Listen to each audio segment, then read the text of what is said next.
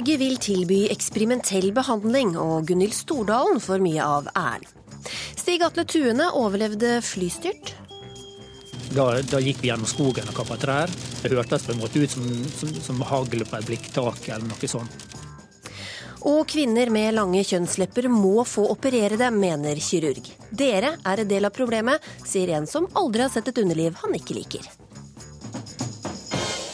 Dette er ukeslutt denne palmehelga. Jeg heter Linn Beate Gabrielsen, og vi starter med en nyhetsoppdatering ved Katrine Nybø. Om norske innsatte dør eller gjør noe kriminelt mens de soner i et nederlandsk fengsel, er det Nederland som skal etterforske saka. Det kommer fram i den omstridte fengselsavtalen mellom Norge og Nederland som Dagsavisen har fått innsyn i. Justisminister Anders Anundsen inngikk avtalen under et besøk i fengselet Norgerhaven i Nederland denne måneden. Avtalen viser at innsatte ikke vil få samme behandling i Nederland som i Norge, skriver avisa.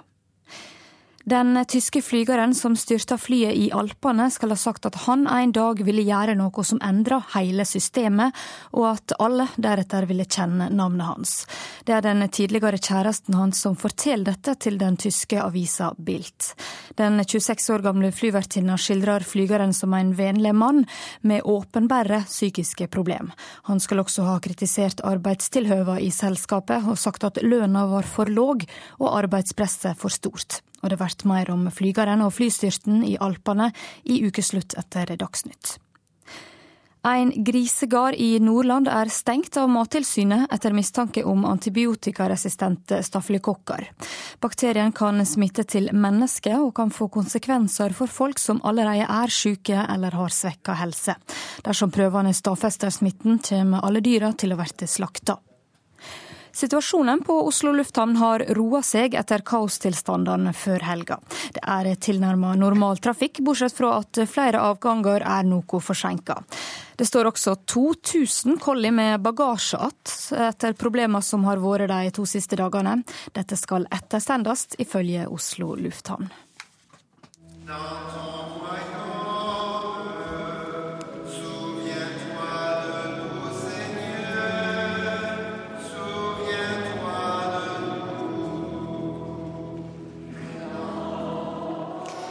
I dag var det minnestund for de etterlatte etter flystyrten i Alpene. Samtidig kommer det fram stadig mer om helsetilstanden til annenflygeren, som tok med seg 149 mennesker i døden. Utenriksmedarbeider Øyvind Nyborg, du er i Düsseldorf. Hvem var til stede ved minnestunden i dag?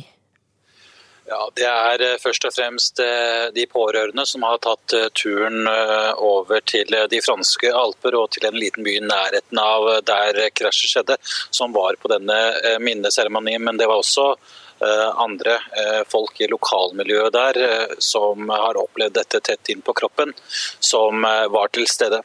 Men også her i flere tyske byer, bl.a. rett utenfor Düsseldorf her, så har det vært minneseremonier i dag. Det er jo mange tyske små lokalsamfunn som har mistet én eller flere i flystyrten. Husk på det at over halvparten av de som omkom, de kom fra Tyskland. I dag så leser vi også at annenflygeren Andreas Lubitz kan ha vurdert denne handlinga en eh, god stund. Hva, hva har kommet fram om det? Det er eh, storavisen Bilt som har intervjuet en 26 eh, år gammel flyvertinne, som i en liten eh, periode var kjæresten med Andreas Lubitz, andre piloten på flyet. Og de to møttes i skjul på hoteller når de var ute på jobb.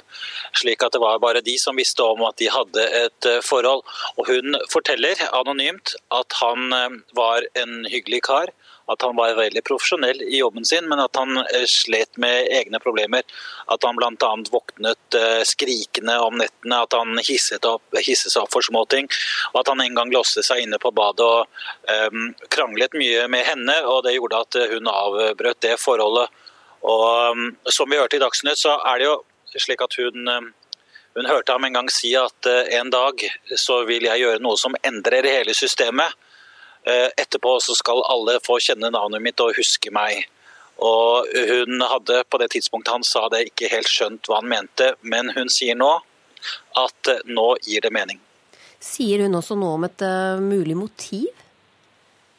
Eh, nei, det, det, gjør hun ikke. Og Eh, det er jo fortsatt eh, mye som gjenstår av etterforskningen her. Eh, politiet har jo ikke villet bekrefte disse opplysningene om pilotens psykiske helse, og heller ikke universitetsklinikken her i Düsseldorf, som har hatt ham inne. De har sagt noe om hans psykiske helse, så det er mye som gjenstår. Både rundt hans psykologiske profil, men også rundt politiets etterforskning før, før politiet kan konkludere her. Men er det at han var syk en forklaring man nå aksepterer som et svar på, på tragedien? Det gir jo et slags svar for noen. Eh, på den annen side så eh, er det kanskje litt tidlig å konkludere med at en depresjon og eventuelt angstproblemer skulle utløse en så ekstrem handling som å begå et massedrap på 149 mennesker. Eh, Flygernes forening her i Tyskland de sier jo OK, vel og bra at han kanskje slet med noen egne psykiske problemer, men de sier Stoppenhall eh, det er ikke funnet noen eh, annen den andre svarte boksen ennå. og Det er for eh, tidlig å, å, konkludere. Tusen takk, Øyvind Nyborg fra Düsseldorf. Og det blir en stor minnestund i Kölnerdomen 17.4, hvor bl.a. Angela, Angela Merkel skal delta. Reporter Marit Kolberg har møtt en av hjelpearbeiderne som har dratt til Alpene for å støtte de pårørende. What they are suffering are normal reactions to abnormal situations, very big abnormal situations. De har en normal reaksjon på en unormal opplevelse. Det sier Carlos Urquia.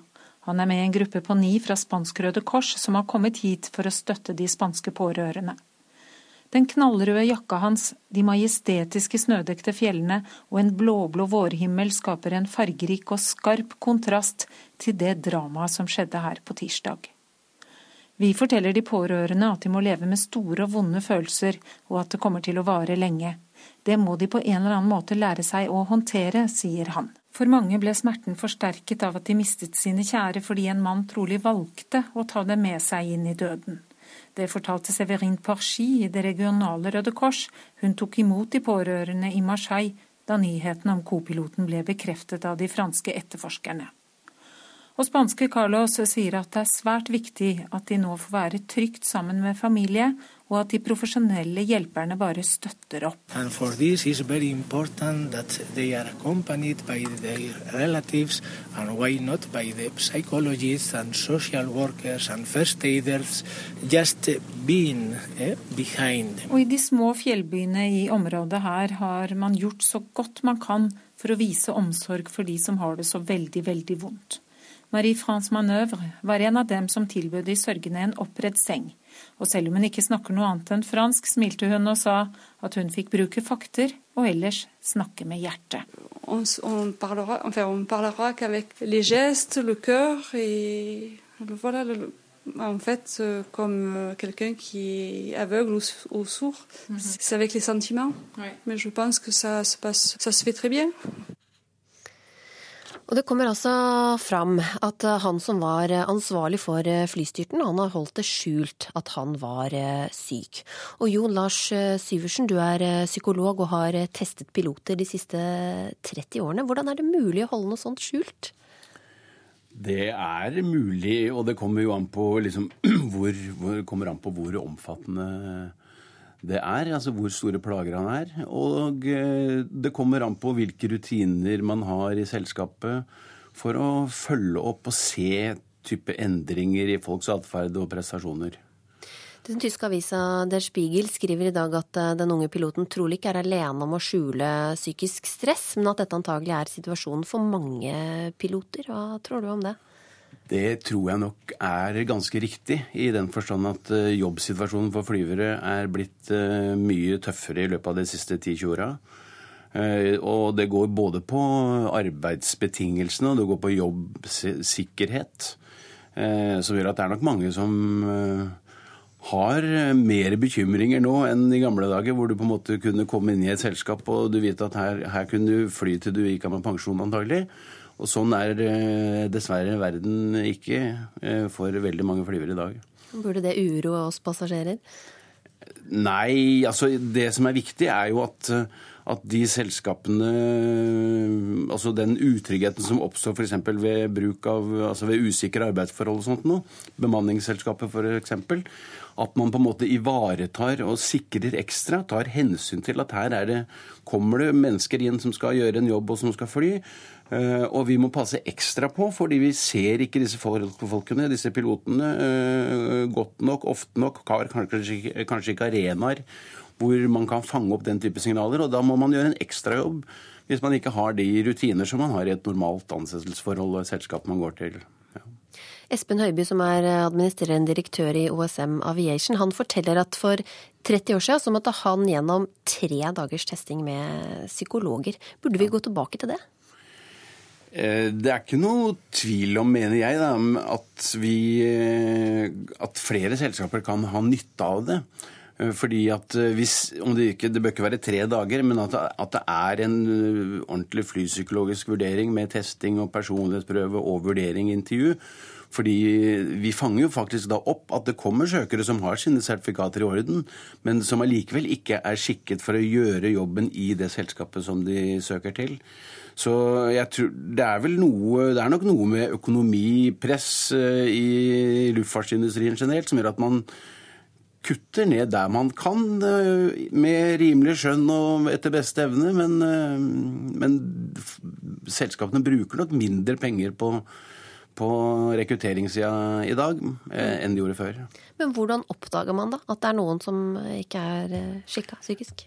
Det som regel så ser vi jo et mønster. altså det, Både er det utslag på personlighetsprøver i forhold til at du kan se at det er mye angst, uro, spenning, manglende stabilitet. Man kan ikke stole på en personlighetsprøve i seg, men hvis du ser også at dette står ut når de settes under press med ulike typer arbeidsoppgaver, hvis du merker i kommunikasjon at de enten prøver å skjule noe, eller at de er eh, unnvikende i kommunikasjonen, uryddig i måten de kommuniserer på, så begynner det å bli flere, brikker som gjør at dette her er det et, et, eller annet som, som, ligger under, og som i hvert fall kan påvirke både prestasjonsevne og altså måten de fungerer på. Og da sier vi at dette er ikke overbevisende, og da lytter selskapet der hvor vi jobber med den type prøving. Men hvor ofte vil du si at du, du avdekker at en pilot ikke bør? Det er jo ikke så ofte at vi liksom tenker at dette er jo et klinisk tilfelle diagnostiserbart. Men eh, Så jeg kan ikke Det, det er nok eh, La oss si at det kan gå flere måneder mellom hver gang man ser slike, men man ser tydelige variasjoner. For det er jo ikke noen screening i utgangspunktet på hvem som setter i gang og tar seg en flygerutdanning. Eh, det kan man gjøre hvis man legger pengene på bordet til den rette flyskolen. Og så må man gjennom prøver for å vise at man er teknisk dyktig nok på å håndtere flymaskin for å få sine sertifikater. Men utover det er jo ikke noen personlighetsvurdering. slik at det er jo mye potensiell variasjon under dette. Mm. Men i VG da så står det at eh, Norwegian de krever ikke egne psykologtester før pilotansettelse, og at SAS heller ikke har eh, noen sånn dyptgående psykologisk testing av sine flygere. Er kontrollen med piloters mentale helse god nok i dag? Jeg tror, eh, For det første så handler sikkerhetskultur det handler jo om å, å sikre i flere ledd. Eh, det er ikke noe tvil om at man kan sikre eh, og trygge operasjonen ved at man plukker ut noen en, ved en ordentlig seleksjonsprosedyre.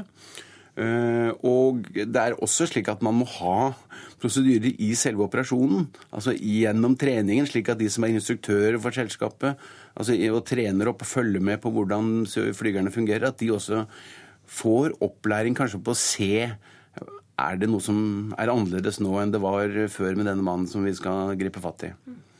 Rundt 47% av flygerne er jo ikke direkte ansatt i eh, flyselskapene, men så har de, de har midlertidige kontrakter. Hva kan det innebære med tanke på sikkerhet? Jo, det innebærer at folk uh, har mye større sjanse for at de holder munn.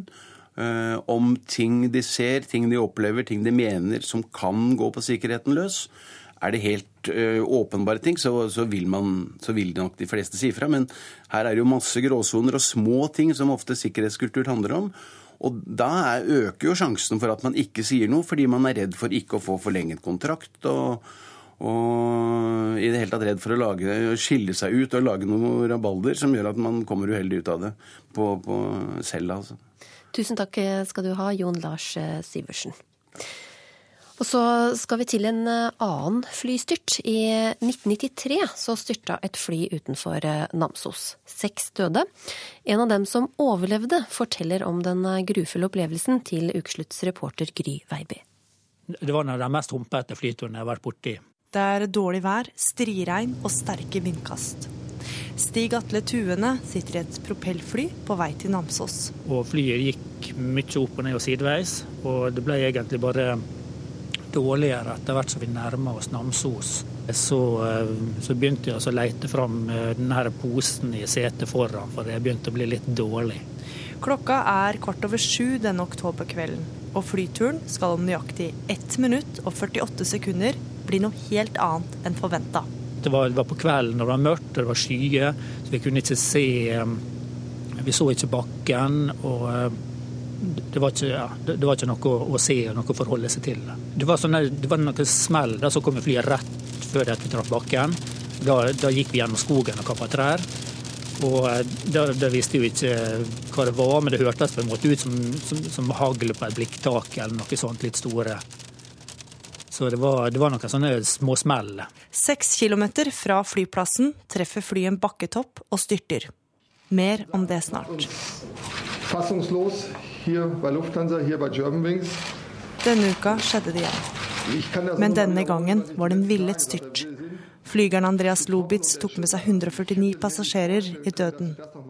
Slik var dødspiloten Andreas Lobitz der, altså bare side fire, fem, seks, syv og 8.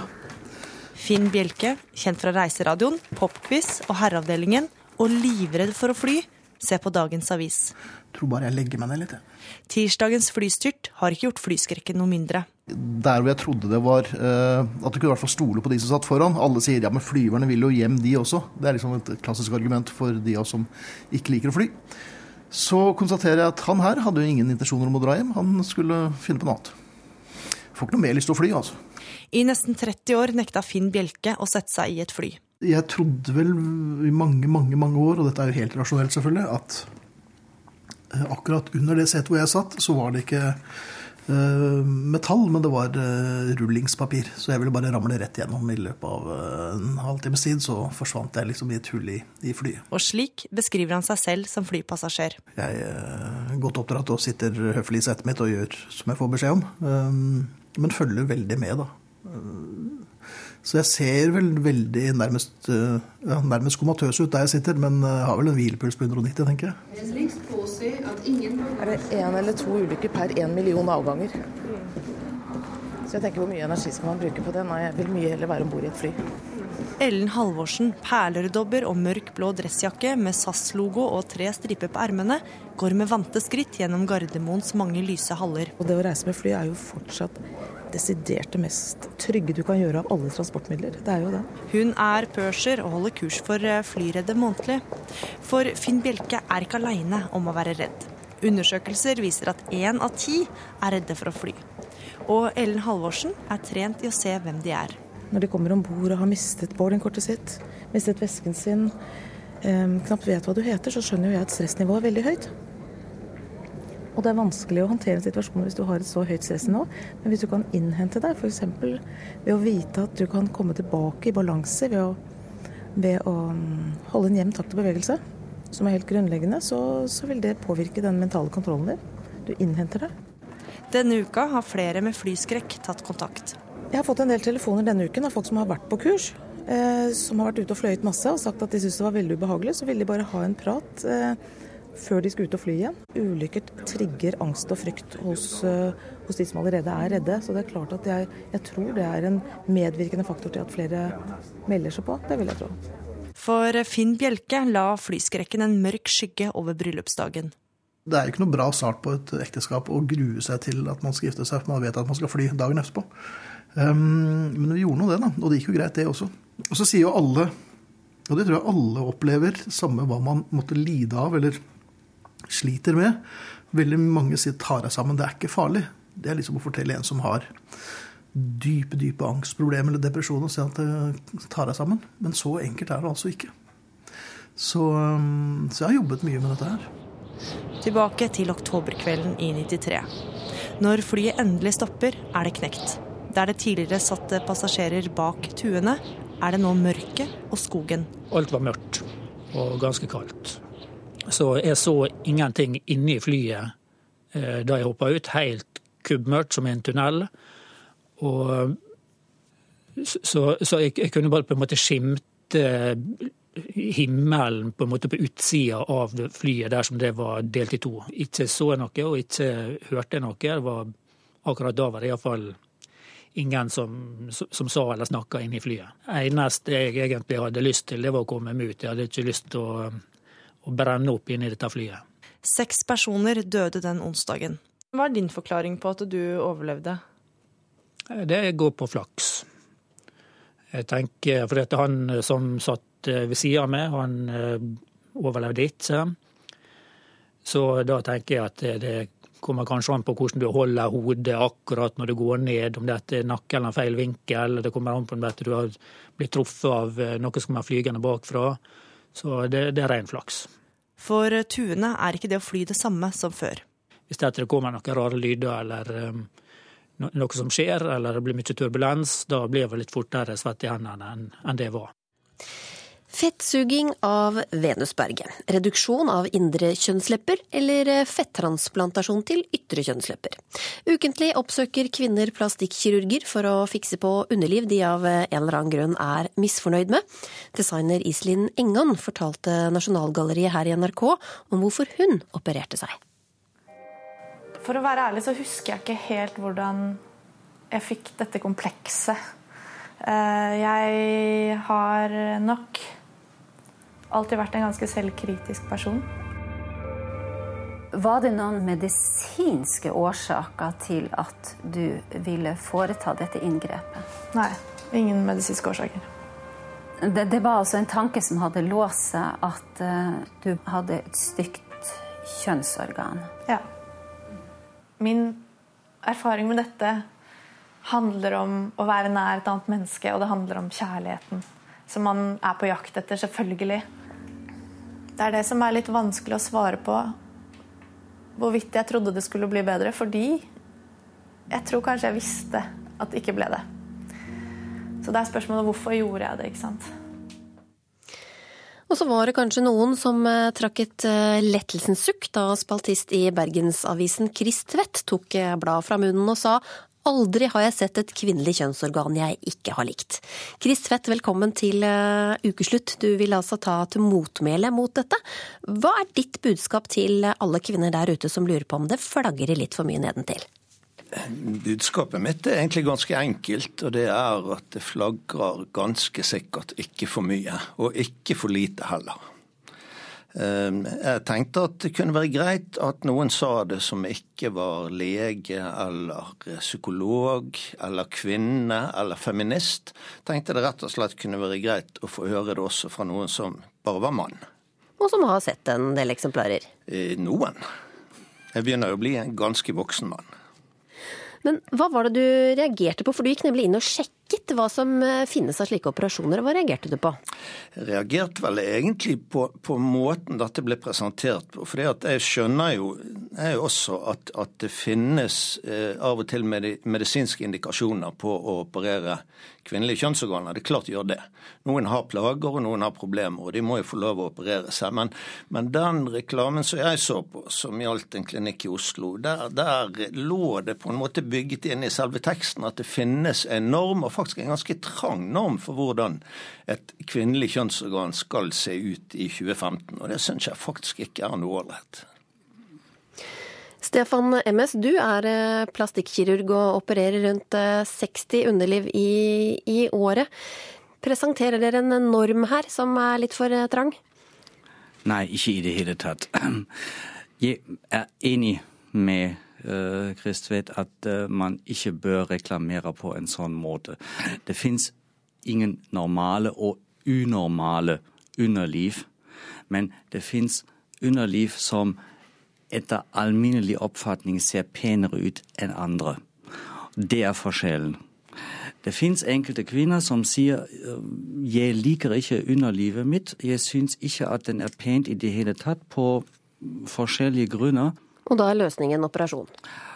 Uh, ikke alltid. Altså, jeg må ganske klart si uh, Jeg må først se det problemet uh, og skjønne hva pasienten virkelig mener. Kommer en dame som har langt øh, framhengende indre kjønnslepper og sier altså jeg liker absolutt ikke hvordan de ser ut, jeg liker ikke å vise meg foran seksualpartneren min, jeg liker ikke å gå i offentlige dusjanlegg pga. dette.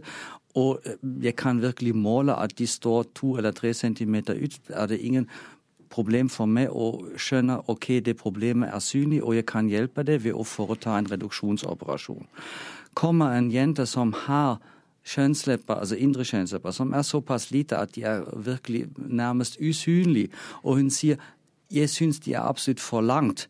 Da sier OK, da har du muligens et synspunkt om det, men de er ikke for langt. Og om jeg klipper enda mer vekk, da er de helt borte. Og da er den funksjonen som de har, også vekk. Sånne damer opererer ikke. Men for å være helt ærlig, det er altså en mindretall. Krist Tvedt, er det ikke fint da at det finnes en løsning for de som har et problematisk forhold til underlivet sitt? Jo, jeg har ikke noe imot at det finnes en løsning, men jeg har, jeg har litt problemer med dette likevel.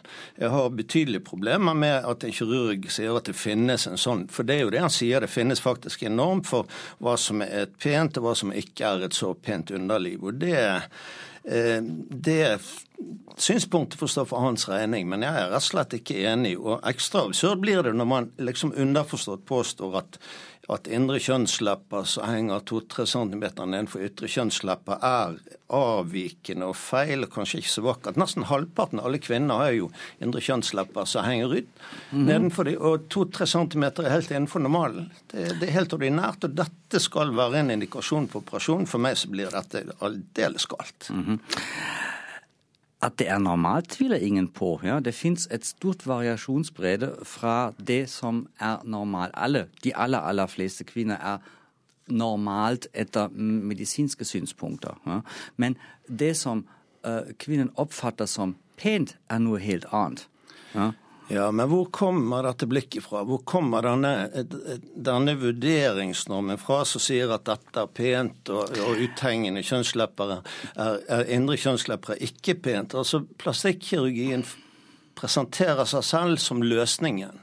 Men i realiteten, i mitt hode, så er, er faktisk dere like mye en del av problemet. For når jeg leser på en Oslo-klinikk eh, følgende formen på labia minor kan være avvikende, dermed skjemmende. Det kan f.eks. være asymmetri mellom sidene. Mm. Så tenker jeg at da er det altså plastikkirurgiene selv som er med på å skape et aldeles urealistisk og meningsløst skjønnhetsideal eh, hva angår kvinnelige kjønnsorganer. Det er ikke bra. Det grenser sterkt til det uetiske i mitt hode. Dere er en del av problemet, MS? Det er jeg enig med. Altså, Den måten å reklamere for uh, intimkirurgi er over grensen. Altså Når du bekrefter og sier at ja, det er greit, vi kan operere deg, dette er for, mm. for svært, er ikke du med på å bygge under, under kompleksene og skjønnhetstyranniet? Altså, um, jeg, jeg, jeg, jeg tilbyr pasienten noe som de er på jakt uansett. Det er ikke noe nytt fenomen som kommer plutselig ut av det blå, at kvinner liker ikke underlivet sitt. Um, det har alltid vært sånn. Altså, det er ikke noe, noe behov som vi skaper her, for å si det sånn. Men det har vært en eksplosjon i antall operasjoner? Ja, og det skyldes først og fremst um, muligheten å informere seg om. Uh, et eksempel. Jeg har en god andel um, voksne kvinner, altså i 30-, 40- inntil 50-årene, som kommer til meg og sier hadde jeg visst om denne muligheten for 20 år siden hadde jeg for lengst lagt meg under kniven. Nei, for det at det er vanskelig med sex, og dessverre så tror de at problemet sitter i underlivet. Men det gjør ikke det. Problemet sitter i hodet, der det alltid sitter. Istedenfor å gå til deg og kniven inn, så bør de lese artikkelen min mange ganger. Da sier jeg tusen hjertelig takk til eh, dere for at dere var myk slutt. Ukeslutt har eh, mer å by på den neste halvtimen. Gunhild Stordalens åpenhet har bidratt til at eksperimentell behandling også kommer til Norge. Oslo og Bergen har fått et rent eh, feministisk parti. Det vi trenger er et mannsparti som støtter diskriminerte menn, sier Hanne Nabintu Hærland. Mye takket være Gunhild Stordalens åpenhet kan stamcellebehandlingen hun fikk i utlandet snart tilbys gratis i Norge. Det sier overlege Inger Margrethe Gilbo ved Rikshospitalet. Riktignok er den eksperimentelle behandlinga bare aktuell for en liten gruppe pasienter. I går fortalte Gunhild Stordalen på Skavlan om tida etter hun fikk diagnosen systemisk sklerodermi. Hør her. Altså Andre par sier at vi blir gravide. Altså Petter sa vi ble syke, og han har vært, liksom, han har vært der hver eneste dag. Du valgte jo en ganske eksperimentell behandling? Valgte? Jeg hadde ikke noe valg. Altså, Nei, men, men, det, ja, men den, er, den, var jo ikke risikofri. Det var en farlig behandling. Ja, men det var eh, Og det er en ny studie som kom i fjor sommer. En stor eh, multisenterstudie. Det var mange sykehus som var med på den. Eh, men dette er en veldig sjelden sykdom, så det er vanskelig å få gode data. Men i hvert fall den, den, studien så på effekten av stamcelletransplantasjon hos sklerodermipasienter. Og viste da en betydelig bedre overlevelse hos de som klarte behandlingen, eh, og en mye bedre livskvalitet enn de som ikke fikk samme behandling. Men du, nå sitter du her, du virker ganske pigg. Hva, hva, hvordan har du det nå? Jeg har, det, jeg har, det, veldig bra akkurat nå. Det er nesten litt sånn jeg må klype meg i armen at jeg, at jeg sitter her. Er du utenfor fare? Det er jeg ikke. Det, er, altså det tar inntil to år før immunsystemet er på en måte reetablert og, og fungerer normalt. Og, men, men, og jeg vet jo ikke om jeg får tilbakefall, og sånn, men det, det, ser ut som det går riktig veien. Men det der å kunne, å kunne komme tilbake til normaliteten, det er nesten uvirkelig. Hilde Front, du er eh, leder av sklerodermigruppen i Norge og har eh, selv levd med denne sykdommen i, i, mange år. Hvordan var det for deg å se innslaget med Gunhild Stordalen i går? Det var veldig hyggelig å se at hun hadde det så bra, og at det hadde tatt så kort tid før hun var på beina igjen. Hun åpner jo mange dører for oss også. og vi med sklerodermi, det er ikke bestandig du kan se vi har diagnosen. Vi kan jo nå si at å, vi har samme diagnose som Gunhild Stordalen, og det gjør jo godt for mange. Stordalen fortalte også at eh, da hun som legestudent eh, lærte om denne sykdommen, så fikk de beskjed om at det, var ingen behandling for, eh, for dette. Og hvordan, hvordan, er det å ha en sykdom som det finnes så lite behandling for? Det er veldig skremmende. Men dess mer man lærer om sykdommen, så blir man veldig mye tryggere, for det står mye rart på nettet. Og man tror faktisk at man skal dø om noen år når man leser i begynnelsen, og før man får innhentet nok informasjon. Mm. Nå sier Rikshospitalet da, at de vil eh, tilby den samme behandlingen Stordalen har fått i utlandet, til eh, utvalgte pasienter i løpet av våren. Hva betyr det? Det betyr veldig mye fordi det er mest kvinner som er mellom 30 og 40 år som blir angrepet. Og det, de som er nydiagnostiserte, vil nok være blant de utvalgte som vil kunne få denne behandlingen. Ja. Hmm. Hva, hva var din reaksjon da, da, da, hun fortalte det i går, at det mest sannsynlig blir et tilbud? Var, jeg var veldig, veldig glad. Jeg har selv eh, sett eh, et eh, annet menneske i 2012 på en stor konferanse som sto fram og fortalte hun hadde gjort det samme. Det var jo like eksperimentelt den gangen, men hun hadde brukt faktisk tre år på å forberede og komme tilbake til livet. Men hun hadde ikke noe valg. Som du sier, så Jeg kan jo ikke umiddelbart eh, se på deg at du har eh, denne sykdommen, men hvordan er det den angriper? Den begynner ofte med hovne hender og føtter. Og man har problemer med fordøyelsen, magetarm. Man blir kortpustet fordi den angriper lungene, kan angripe. Man får disse Reynaud-fenomen, disse likfingrene, som gjør at vi har veldig dårlig blåomløp i fingrene og veldig dårlig følelse. Selv fikk jeg min første smarttelefon for tre måneder siden, for jeg har ikke funnet noen jeg greier å trykke på som fungerer med fingrene mine. Så det er en del sånne ting man, man, man vet man lever når man har denne sykdommen, for det er stadig ting som ikke fungerer helt i kroppen.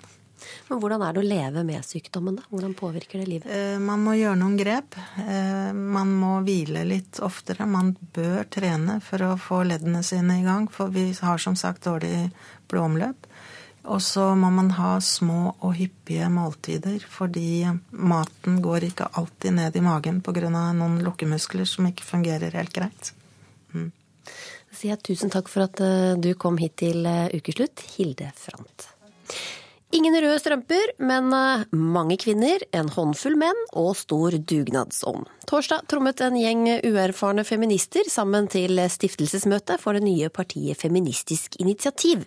Bergen var eh, først ute. Nå må de få nok kandidater til å stille liste ved valget i Oslo også.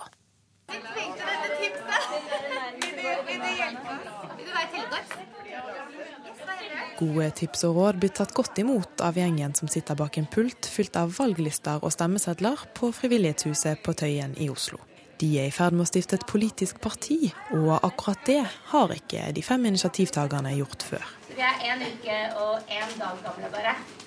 Så det er jo helt fantastisk at så mange engasjerte folk har kommet hit i dag på så kort tid. Lokalet er nesten helt fullt av kvinner i alle aldre og godt over en håndfull menn. De har funnet veien hit for å bli med på oppstartsmøtet til feministpartiet Feministisk initiativ. Det vi gjør nå, er å Folk skriver seg på lister, de som ønsker å stå som eh, kandidat. Og etterpå vil vi stemme over de listene, og når vi er ferdig med det, så skal vi samle 300 underskrifter på baksiden av de listene innen tirsdag klokken tolv. Og når vi har gjort det, så er vi med i kommunevalget.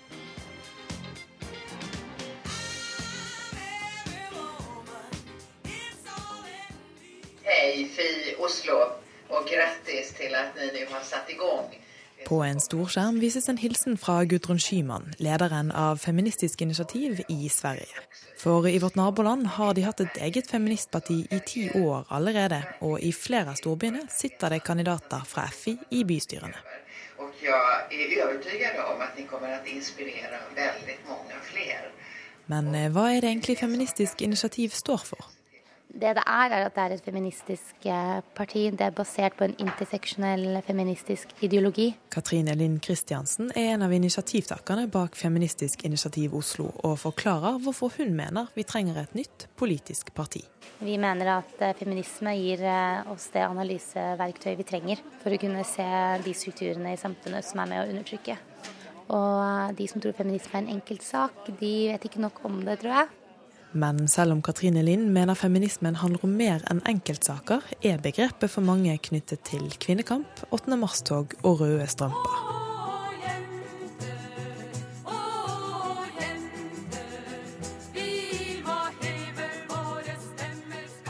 Veldig ofte så blir man jo sett på som ekstrem og radikal og hårete, og at man har sånne stereotyper knyttet til ordet.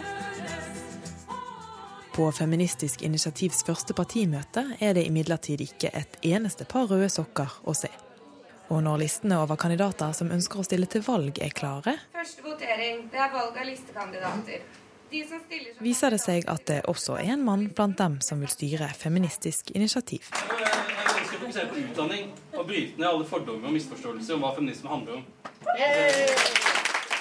Fridtjof Fjelstad heter han, og får stormende jubel fra salen etter sin appell. Han er helt klar på hvorfor han ønsker å stå på valglisten til Feministisk initiativ. Det handler bl.a. om eh, at eh, feminismen har blitt ganske grovt misforstått, hva det innebærer. Eh, F.eks. at det har blitt fremstilt av veldig mange som en kjønnskamp hvor kvinner og menn konkurrerer om, mot hverandre. Mens jeg mener feminisme handler i første rekke om å komme nærmere hverandre og ta hverandre på alvor, sånn at vi kan begynne å samarbeide mye tettere enn det som eh, vi har gjort til nå. Eh, så litt av grunnen til at jeg ønsker å stille her, det er rett og slett å jobbe med holdninger eh, om hva, om hva feminisme innebærer. Da. Den personen du gir fem poeng, skriver du ja. Fridtjof fem poeng. Tina fire poeng. Riktig tre poeng. Stemmeprosessen er i gang, og det ser ut til at Feministisk initiativ Oslo får nok navn på valglisten til å kunne stille ved høstens kommune- og fylkestingsvalg. Målet nå først og fremst er å få en med i bystyret. Men vi snakker jo, har løpende kommunikasjon med Bergen, og vi kommer til å opprette et nasjonalt parti etter hvert. Men først må vi bare få dette i boks. Reporter var Ingvild Ytreide Fjelltveit. Og vi skal straks ta debatten om vi trenger et eget feministisk parti. Først må vi bare få dette i boks, hørte vi Katrine Lind Kristiansen si i reportasjen for eh, litt siden. Religionshistoriker Hanne Nabintu Herland, hvordan klinger dette i dine ører? Jeg vil jo si at vi har vært veldig heldige i vår del av verden som har fått, har hatt en, en feminisme og en slags likestillingstenkning som har gitt oss like politiske og sosiale rettigheter mellom menn og kvinner. Men eh, det jeg jo i mange år har stilt meg kritisk til, det er i grunn utviklingen fra 70-tallet, hvor feminisme mer ble en slags politisk ideologi, og effektene av feminismen ser vi i dag som en slags Altså det blir en slags ideologi som arbeider imot mannen. Altså alt ved kvinnen er fantastisk, og det ser vi jo i samfunnet i dag også, mens en, man får en slags eh, utvikling av grenser til et mannshat. Jeg vil si at vårt samfunn i dag trenger mer et mannsparti, som kan støtte menn, som i dag i stor grad er i ferd med å bli diskriminert i det norske samfunnet. Vi har kvotering for kvinner både inn i styrer og en rekke typer stillinger. Vi har altså kvotering eh, i studielivet, hvor, hvor, kvinner kvoteres inn til legestudiet og den type ting og får ekstra plusspoeng. Det innebærer en diskriminering av mannen. Vi har en av de høyeste selvmordsratene blant unge menn eh, i verden.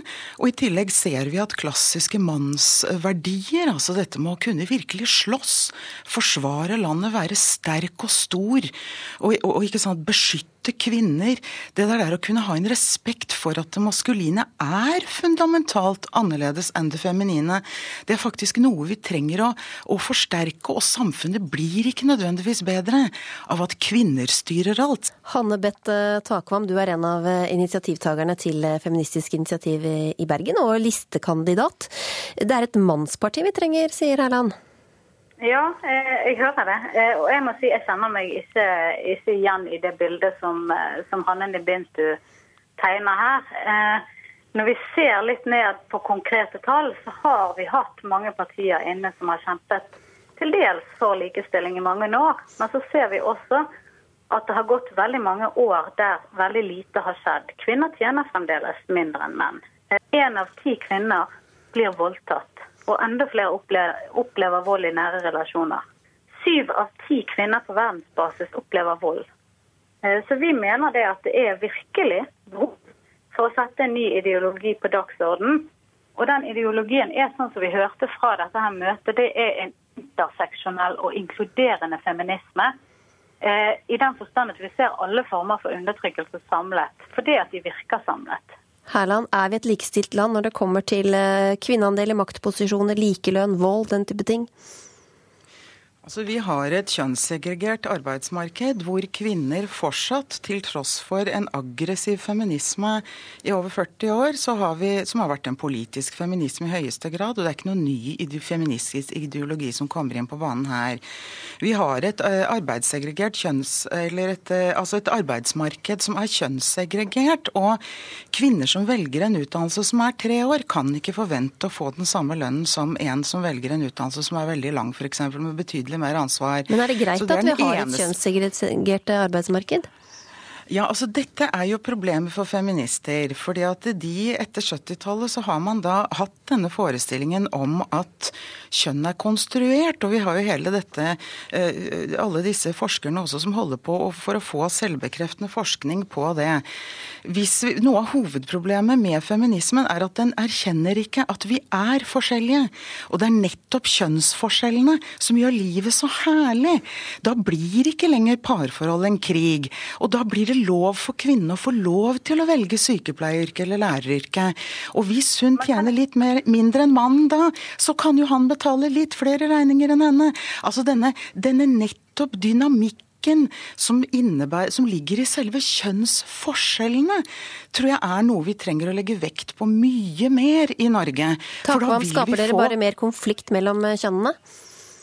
Jeg tenker bare, jeg skulle si, altså, Du trekker jo opp et veldig godt eksempel her. Sykepleie, eh, som er en utdannelse som er noenlunde eh, like lang som ingeniør. Og arbeidstiden kan være like lang, men der det er et hav av forskjell på lønningen i det ene og det andre yrket. Og så hører jeg det at det kommer, kommer et argument her om at ja ja, så velger kvinnen å tjene litt mer, så kan mannen betale litt mer. Men det er jo slett ikke alle kvinner som er i et parforhold med en mann. For å si det sånn, for det første når du nevner det med sykepleieryrket, de som velger tjenesteyrker vil jo naturlig ha en annen type rolle i samfunnet enn mennesker som ikke velger det. Så dette er også forhold som er internasjonale, som definerer også hva slags type lønninger vi får innenfor ulike typer yrker. Eh, og jeg tror at nettopp den feministiske tanken på angrepet på, på kjønn, altså, innebærer på en måte en svekking av kvinnekampen. På et vis så er, innebærer feminisme men en slags kvinnediskriminering. Ja, jeg, jeg kjenner meg igjen i disse ordene du bruker om angrep. Eh, Men Takva, det, det vi vil, ja. eh, trenger vi et eget feministisk parti da, for å ta tak i disse sakene? Hvorfor kan man ikke bare jobbe for disse sakene innad i de partiene vi allerede har? Eh, altså det, det, er litt sånn eh, som vi tenker, altså Feminisme og likestilling det har nå for så vidt vært, vært en del av partiprogrammet til veldig mange partier. Men sånn som vi ser i SV, så står det ganske langt nede på listen over saker de jobber med. Og det vi tenker nå er at dette her har stått på stedet hvil og til dels gått tilbake over så lang tid nå. Derfor mener vi at det nå er, er dags å sette et nytt parti på agendaen med denne ideologien i bunn. Herland, gjør det noe da om vi får et feministisk parti?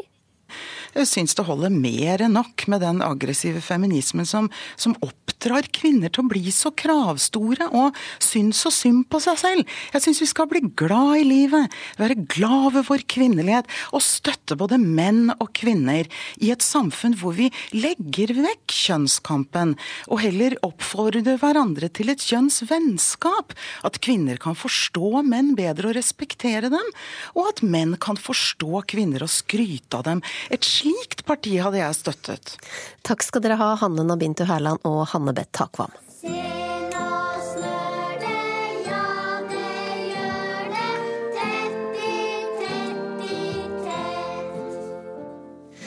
Snøværet skapte kaos i Sør-Norge denne uka, til stor skadefryd fra folk i nord, som skrøt av deilig vårvær. Så hvem vinner det beste påskeværet denne palmehelga, Rafael Escobar Løvdahl? Det blir nok litt skiftende, men vi kan jo starte med fjellet i Sør-Norge. Det blir i dag økning til sørlig sterk kuling utsatte steder, etter hvert snø.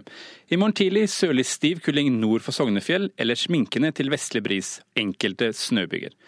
Østafjells sørlig bris økende til stiv kuling på kysten. Sludd og snø fra vest, til dels regn på kysten. På Østlandet opphold frem til i kveld. I morgen minkende til sørlig bris, stort sett opphold og periodevis lettere skydekke, først i vest. Vestlandet sør for Stad Økning til sørøst liten storm. I natt minking til vestlig frisk bris. Sørvest stiv kuling ved Stad. Fra søndag ettermiddag skiftende bris. Etter hvert regn, søndag regnbyger. Nedbør som snø over 400 til 600 meter. Møre og Romsdal sørøst frisk bris. I natt økning til sørvest sterk kuling på kysten. Sent søndag formiddag minkende. Etter hvert litt regn, søndag regnbyger. Nedbør som snø over 300 til 600 meter. Trøndelag sørøst frisk bris opphold. I kveld økning til sørøst sterk kuling utsatte steder. Søndag formiddag dreiende sør-vest. Om ettermiddagen minkende. Litt regn, senere enkelte regnbyger. Nedbør som snø over 300-500 meter. Nordland økende til sørøstlig sterk kuling. Søndag kveld sørlig liten storm i Lofoten. Noe minkende lenger sør. Opphold. Søndag spredte sludd- og snøbyger.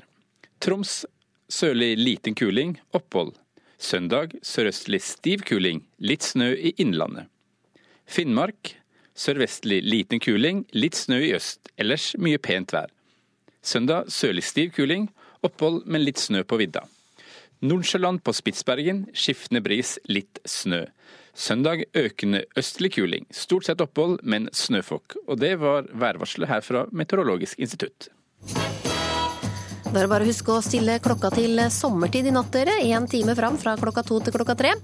Ansvarlig for ukeslutt Elisabeth Onsum. Teknisk ansvarlig Marianne Myrhol. Skript Lars Christian Rød. Og i studio Linn Beate Gabrielsen.